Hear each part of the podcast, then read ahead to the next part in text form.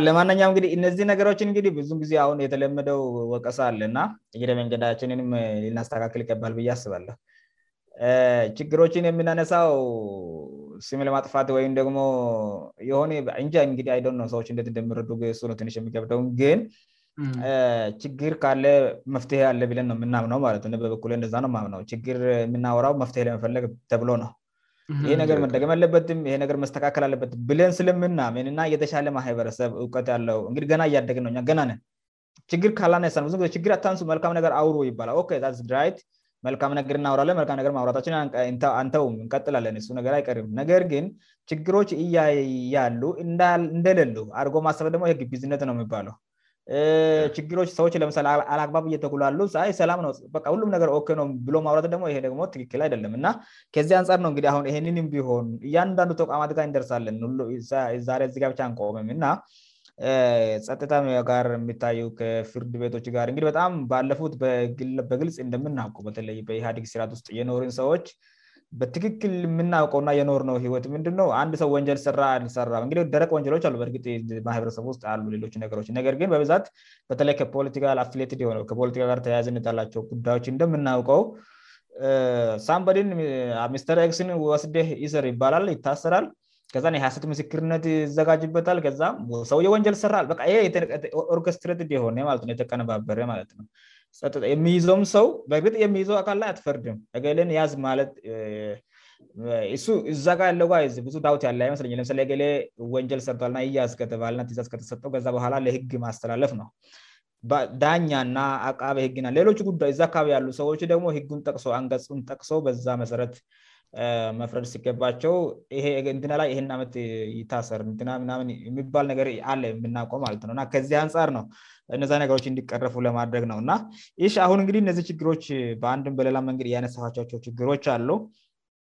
የነዚህ ችግሮች ማህበረሰቡ ላይ ሲደመር ተቋሙ ራሱ ላይ ምን አይነት ችግር ምን አይነት ተጽዕኖ ይፈጥራል ብላቸው ታስባላቸው ለምሳሌ የጠቀሳቸ ብዙ ችግሮች አሉ ሊፈጥሩ የሚችሉ ማለት ነውአንደ በተደጋጋሚ ለምሌ ቅም ያ በደብ ያ ሀይል አላአባ መጠቀም እንደገና ደግሞ ገለልተኛ አለመሆንቅግ ያነሳቸው ብዙ ይነት የፖለቲካ ጫና ብለል ህገ መንግስቱን በደብ ከለማወቅና ለመርዳት እየተነሳም ይፈጠራል ብል እና የነዚህ ችግሮች መፈጠር የመጀመሪያው ህብረተሰቡ ላይ ሊያደርስ የሚችለው ጉዳት ንያልነው ምንድን ነው እንደና በተቋሙ ራሱስላ የሚንአይነት ችግር ያመጣል የለው ነገር ስጋቦ ጀምርና ከዛ ባህላ ያለ በዛ ትቀጥላለ እንግዲህ ይህን ግ የሚናወራቸው ችግሮች አሁንም በሆን ጠብ ጠብ ብሎ ቢኖሩም እንደ ድሮ አደለም አሁን የሚያስበው የአሁስር ድሮ ኢህአዲግ ነበር የሚባለው ግ ሁን ሰት ቲፒፍ የሚባለው ማለት ነው ግ በእርግጥ ብዙ ፓርቲዎች ይዞ ነበር ከያንዳንዱ ክልሎች ን ከአራት እንትኖች ነው እንግሉድ ያደገው መስለኝ እና በዛ ሰዓት ስሰራ ስፈጸም የነበረው እንትን ነው አሁን በዚህ ሰዓት እንደማይቻል ነው እኔ የተረዳውት ማለት ነው እንግዲህ ብልጽግና ሌላ ፓርቲን ነው ለህዝብ ቅድሚያ እንደሆነ ው የምታየው ከዚህ በፊት አንተም ጠቀስ እንዳደረግከው የዱሮ ዳኞች ፖሊሶች ምኖች ምንም አድረግ አይችሉ ከአቅማቸው በትላይ ነው የሆነ ነገር ካአረጉ እነሱንም ጨምሮ ያስገቧቸዋል በዛ ከዛ የተነሳ ለራሳቸው ስሉ ያልሆነና ህልናቸው የማይፈቅደውን ነገር ያደርጋሉ እንዲ ህልናችን አይፈቅድም ብሎ ቢያደርጉ እንኳ የሚደርስባቸው ጫናና እንክልት ፕላስ ስርዓትና የተለያየው የህወቸውኑ የኑሯቸውትን መመሰቃቀል ንትን ስለመሆን እሱን ስለሚፈሩ ብቻ ታዛሽ ይሆናሉ እንደዛ መሆንሉ ሌሎቹ ደግሞ ለራሳቸው ሆድ ብለው ስለማያገኙት ነገር ብቻ ብለው ህጉን እያወቁ ህን ወደዛ ገፍትረው በራሳቸው በፓርቲው ትን የሚያደርጉ ሰዎች ሩ እንደ የሚያደርጉ ናቸው ነበሩ አሁን ግን የተለየ ነው ለምሳሌ ድሮ አንድ ባለስልጣን ሊያስፈራራ ይችላል ከላይ ሆኖው እገለን ሄድና ይሰረው ገለን እንደዚህ አይነት ምክንያት ስጠውእና እዚደዚ ይነት ቅንብር ሰርቶ ጨርሶ ነው ሰውዮጋሄዶ እንደሰራ አድርጎ ብነእና እንደዛ አድርጎእንዲያደርጉ ነበዛዝ የሚሰጡት ከላይማለት ነው ከዋና እዛ ሰዓት እነሱ የራሳቸው የሆነ አንተን የላቸው ምክንያቱም የፍትህ አካል በህገ መንግስቱ ላይ ኢንዲፐንደንት ብ ኢንዲንደት አነበም ታዛሽ ነበርእንደማነኛውም ቲዛዝ ተሰጥት ለምሳሌ አንድ ካምፓኒ ውስጥ የሆነ ስራ የተቃጥረ ሰው ሂድና ይሄን ውሰድ እንደሚባለው ሁላ የፍትህ ፍርድ ቤት እንደዛ ነበርከፖሊስ ጀምሮ እስ ፍርድ ቤቱ እንደዛ ነበር ስደረገ ነበረው እና በዛ አይነት አክባብ የሚፈለገው ስራ አልተሰራም ነበር ህገመንግስቱ እየተናቀ ነበር እንዲሁም ወርቀት ነው ም ብሎ የሚያስቡ ያለም አይመስልም ህገመንግስቱ በዛ ሰዓት ማለት ነው አሁን ግን ብልጽግና ነው ብልጽግና ስለሆነ አሁን አንድ የአስተዳደር ባለስልጣን ንድ ዞን ባለስልጣን የን የሌላ አካባቢ ባለስልጣን ስልጣኑ በመጠቀም የሚያስፈራራበት ሰዓት አይደለም በአሁን ሰዓት ትንሽ ህጉ ስርዓት እስራ እየሰራ ነው አይታች ከላይ ወርዶ ይታች መረት እየመጣ ነው ስለዚህ በዚህ ሰዓት እንደዛ ያደረጋለው ብለ የሚታደርገው አደለም አ እንደዛ ለማድደረግ ሲትሞክር እንደምታደርግ የሚያቁሰ ይስላሉ አንን ወዲያው ወደሚመለከተው አንተን ስርዓት የሚያዘዝ ሰው ጋ በንበትንሽ ደቃዎች ውስጥ ያደርሳል ማለትነው ደግሞም ቀላል ሆነዋል ብዙ ነገር እንደምታወት እሀያ አንድ ሰዓት የሚከድበት በአይር በስንድ ፍጥነት የሚከድበት አገር ላይ እየኖር በቀላሉ እዛ እንደርሳለን ስለዚህ እንደዚህ በጣም ቀላል ሆነዋል ነገሮች እናእንዲህ በቀላሉ አንተ ወይም ሌላበስልክ ወይም እንደዚህ ውስጥ ለውስጥ የሚታደረገው ነገር አይደለም በዚህ ሰዓት ስለዚህ የሚጠቅመን ምንድንነው ሰው የራሱን ስራ ድርሻ መስራት አለበት አንድ አስተራዳሪ ፖፖሊሲዎች አሉ ከላይ ከፌደራል የሚወርዱ ፖሊሶች ፖሊሲውን ቀርጾ ወደ ህብረተሰብ አውርዶ በሚልመቸው መልኩ ማሰራት ነው እሱ በአይምሮን በመጠቀም የሚጨምረው ነገር ካለ ጨምረ መስራት ነው እንጂ የማይመለከተው ላይ ገብቶ የፍት አካላት የፍት ፍርድ ቤት ክሪሚናል የሆኑ ነገሮች ላይ እነሱ ናቸው የሚመለከታቸው ከዞን ከታች ጀምሮ እስከ ፌራል ከፍተኛ ፍርድ ቤት እነሱ ናቸው የሚመለከታቸው ከነሱ ውጭ የሚመለከታቸው አካል የለም ስለዚህ ማንም ሌላ ለምሳሌ አንድ የጤና ባለሙያሄዶ ፍትህ ፍርድ ቤት ላይ ማዘስ አይችልም እንደዛው ነው ባለስልጣን ማሰብ ያለበት ስለዚህ በዛ እንደ አይነት ኩማወቅ አለባቸው ግን አንድ ኔእንትን ማለት የሚፈልገው ነገር ምንድነው ምናልባት ከዚህ በፊት እንደዚህ አይነት ብዙ ክፍተቶች ተፈጥሯል ከድሮ እንትን ጋር አሁን እነሱ ሰዎች ከዚህ በፊት ሰላም ህገ መንግስቱ እንድፈድ የሚያደርጉ ወይም ህገ መንግስቱን እንድከበር የሚፈልጉ ሰዎችን ህገወጥ ነው ብሎ የሚያስሩና የሚያሰቃዩ ሰዎች በዚህ ሰዓት ምን ተብሏል እንግዲህ እነሱ የሚሉት የነበረው ነው የተባሉት አሸባሪ ተብሏል ስለዚህ አሸባሪ ናቸው ማለት ነውነ የነበሩት አሁን እነዚህ አሸባሪዎች ከዚህ በፊት ያሸብሩ ነበር ግን አሁን ትክክለኛ የተጻፈው ህገ መንግስት መጨም ህገ መንግስት እንደምታዩት ብዙዎቹ ጥሩ ነገር ናቸው ህገመንግስት ጥሩ ነው በተለይ ከንትን አንፃር ቆንጆን ያለው አንዳንድ የሚስተካከሉ ነገሮች ልኖሩ ይችላሉ የጠፋው መረት ላይ ማውረድ ብቻ ነው የማከፋፈልና በቋንቋ ነገሮችን የመመደብችግር ካልሆነ በስተቀር ብዙ ነገሮቹ ጥሩ ናቸው ግን አሁን እም እንደ መፍትሄ ላስብ የሚችለው ምንድንነው ምናልባት አንድ የፖሊስ አካል ወይምአንድ የፍት አካል ስፔ ፖሊስ የሚሰራውን ነገር ማወቅ አለበት እኔም ብዬ የሚመክራው ምንድነው አንድ ፖሊስ ለመሆን የሚመረጡ ሰዎች ስለ ህገመንግስቱ ስለ ህገ መንግስቱ የበላይነት እውቀት ሊኖራቸው ይገባል በአይነኝ ምክንያቱም ህጉን ካላወቁ ያለአግባብ የዜን መብት ን የተፈጥሮ መብትና የዜገን የዴሞክራሲ መብት ይረግጡ ይችላሉ ከዚህ በፊት ስላዩ ብቻ ከዚህ በፊት በግ ጊዜ የሚደረገው አላስፈላጊ ነገሮች ሰውን እንደዚህ በማይገባ መልኩ ትት ማድረግ ነገር ይህን በአይን በማየት ብቻ ክስፕሬንስ ስላደረጉ ህገ መንግስቱን ስለማያውቁት አሁንም ሆን በዛ አይነት መልኩ ሊቀጥሉ ይችላሉ ስለዚህ እንደዚ አይነት ችግር ቀጣይነት እንዳይኖሩ ከዚህ በፊት የተወረሰው ችግር እንዳይቀጥል ለማድረግ ቢያስ ፖሊስ ለመሆን የሚመረጡ ሰዎች ስለ ህገ መንግስቱ በላይነት እውቀት ሊኖራቸው ይገባል እንዳያውቁ መደረግ አለባቸው ህጉ የበላይ እንደሆነ እነሱ ህጉን ለማስከበር እንደተቀመጡእና ዜጋ ሲያጠፋ ህጉን ስተላለፍ ህጉን መተላለፍ እንደሌለበት የበላይ ስለሆነ ጉን ድፈንድ ለማድረግወይምን እንድጠበቅ ለማድረግ የተቀመጡ እንደሆነ እንድረዱ መደረግ አለባቸው ምክንያቱም ህጉን ሳያቅ ህግ ማያስገበር ስለማይችል ማለ ከዚህ በፊት የነበረው እንደዛ ስላልነበረ በያውቅም እንዲያስገብር ቦታ አልተሰም ጊዜ አልተሰጦም እንዲያገለግል ማነኛውም ተላላ እንዲሆን ነበር ተደርጎ የነበረው ስለዚህ ይህን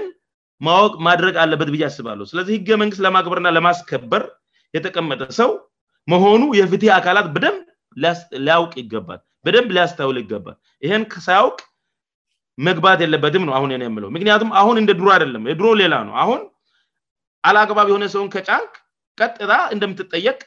በተጨባት እየተደረገ ውለእውእያየሁም ነው ስለዚህ እንደዚ አይነት ነገር ማድረግእንዳይሆን እንዳይቀጥል መፍት ሊሆን የምችለው እያንዳንዱ ፍትህ አካላት ላሚቀመጡ ከፍርድ ቤቶች እንኳን ተምሮ አውቆ ነውትን ያሉ ጫና ካል ተፈጠረባቸው የአሁኖቹ ቆንጆ ናቸው የኛዎቹ ያውቃሉ ምን ማድረግ እንዳለባቸው ቆንጆ ናቸው ይቀጥሉበት ነን አፕሬት ያርጋሉ ግን ፖሊሶች ኢንቫይሮመንት ልሰጣቸው ይገባል እንድማሩ እንዳያውቁ መደረግ አለባቸው ይህን ደግሞ ለማድረግ የሚያደርጉ ሰዎች ጥሩጥሩ የሆኑ የፖሊስ አካላት እንደዚህ አይነት አካባቢ ፈጥረው ሰዎቹን አንደርስታንድ እንዲያደርጉ መደረግ አለባቸው ካልሆነ ህብረተሰቡ አላአግባብ አንድ ህብረተሰቡ አካል ያለጥፋቱ ያለወንጀሉ ወይም ወንጀል ተፈጽሞበት ፍትህ ማግኘት ስገባው ፍትህ ሳያገኝ ዝም ብሎ ህገ መንግስቱ ፍት እንዲያገኝ እየፈቀደለት ህገ መንግስቱ ፍት እንዲያገኝ እያለ የተጻፈውን ነገር መጠቀም እየቻለ እንዳይጠቀም ያደርጋል ማለት ነው ስለዚህ እንደዚህ እንዳያደርግ የዜጋውን መብት ለማስከበር ሲባል ያጠፋውን ሰው ወደ ህግ አቅርቦ ለመጠየቅ የግድ ገለልተኛ እንዲሆን ወይም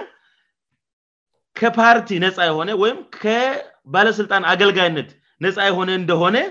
የሚረዳ አይነት ፖሊስ ወይም የጸጥታ አካል ወደፊት መምጣት አለበት መቅረብ አለበት እንደዛ ነው መፍትሄው ሊሆን የምችለው እንደዛ ካልሆነ የድሮ አይነት መንፈስ ተይዞ የሚቀድ ከሆነ መስተካከል አለበት ችግሩ መቀጠል የለበት የምንረው ነገር ተጨባጭ ላይ ሆን ይችላል ስለዚህ እንደዚህ አይነት ነገሮች ወደፊት በማምጣት ግንዛቤ በመፍጠር ነገሮችን ማስተካከል ይቻላል በፍርድ ቤት በኩል ደግሞ ፍርድ ቤት እንግዲህ በኋላ ላይ በደንብ አርገን ማሳረጊያ ላይ ነገሮችን የምንናገራቸው ነገሮች አሉ ግን ፍርድ ቤቱ ገለልተኛ ነው በደንብያቃል ይረዳል ግን ገለልተኛ እንደሆነ የማያውቁ ባለስልጣናት እነሱ የተማሩት ሌላ ነገር ስሆምናልባት ህገ መንግስቱን ሪፍር ስለማያደርጉ እና ከዚህ በት ስልጣን ሲባል አዛሽ ገዢ እንደፈለገ ማደረግ የምችል አይነት መንፈስ ተደርጎ ስለተቀረፁ የሚያደርጉት ነገእንደዛ አይነት ነገር ስለሆነ ጫና ይፈጥሩባቸው ነበር ፍትህ አካላቶቹን ፍፍርድ ቤትን የሚሰሩ ሰዎችን እንደፈልጉ በስራቸውን በህገመንግስቱ መስረት እያጣቀሱ እንዳይሰሩ ያደርጉ ነበር አሁን ግን የሚሆን አይደለም ጠንካራ ጠንካራ ልጆች እየመጡ ነው ጊዜው ተቀይረዋል አሁን ዝም ብሎስ የለምየሚታዘዝ የለም ባይሆን እንደዚህ ሊያዝ የሚሞክረውን ሰው ወዲያውኑ ወደሚመለከተ አቅርቦ ከስልጣኑ ሁሉ ብዙ ነገር እንድደረግ ማድረግ ይችላል ምክንያቱም ሰውየው ወይም መማር አለበት ወይም መማር ካልቻለ ደግሞ ካለበት ስልጣን በደንብ ያወቀ ስላልሆነ ህገ መንግስቱን ያልተረዳ ስለሆነ ወይም ለማስከበር የተቀመጠለት ህገመንግስት ምን እንደሆነ ያልተረዳ ሰው ስለሆነ ህገ መንግስቱን የተረዳ ሰው ወደፊት እንድመጣ እንዲያደርግ ማድረግ ይቻላል ማለት ነው ከሚመለከታቸው ጋር በመስራት ስለዚህ እንደዚህ አይነት ነገሮች ግንዛቤ ውስጥ ገብቶ እንዲሰሩ እኔ እንደ መፍትሄ ሀሳብ አስቀምጣለሁ ስለዚህ ምንድ አሁን እዚጋር ኔ ል ምችለው የፍትህ አካላት መገዛት ያለባቸው ለማን ነው ለህገ መንግስቱ ለህል ናቸው ለህገ መንግስቱ እና ለህል ናቸው ብቻ ነው መገዛት ያለባቸው ሌላ ማንም ጫና የሚፈጥርባቸው ሰው ሊኖር አይገባም ይሄ ነው እኔ ምናልባት ልለ ምችለው ከዚህ ፖይንት አንጻር በጣም እናመሰግናለን በተለይበጣም ኢምፖርታንት ነገር ምንድ ማናችንም ኢትዮጵያውስጥ ትልቁ በሽታ ብዬነ የማስበው ህግ የማክበር ጉዳይ ነውእና ንድምን ተረዳፍ መሰላቸው ኢትዮጵያ ውስጥ ህግ ማግበር ፋራነት ሁላ ይመስለኛልብአይታቸው ከሆነ ለምሳሌ አንድ ጊዜ የገጠመኝ ኮንሶወደ አባመጭ ሲመጣ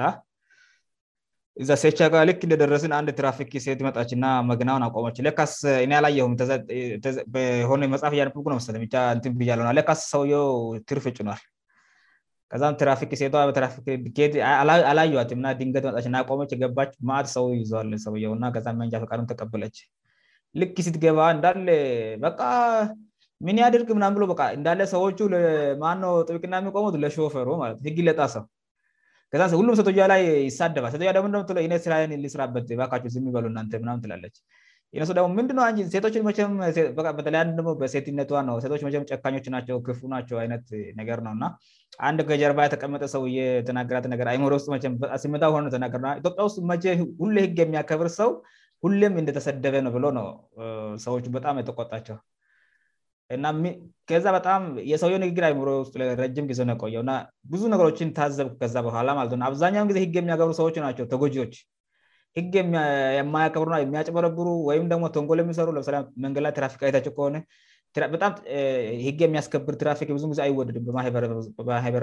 ሀይበረበ ሰቡ ዘንድ ማለት ነውእና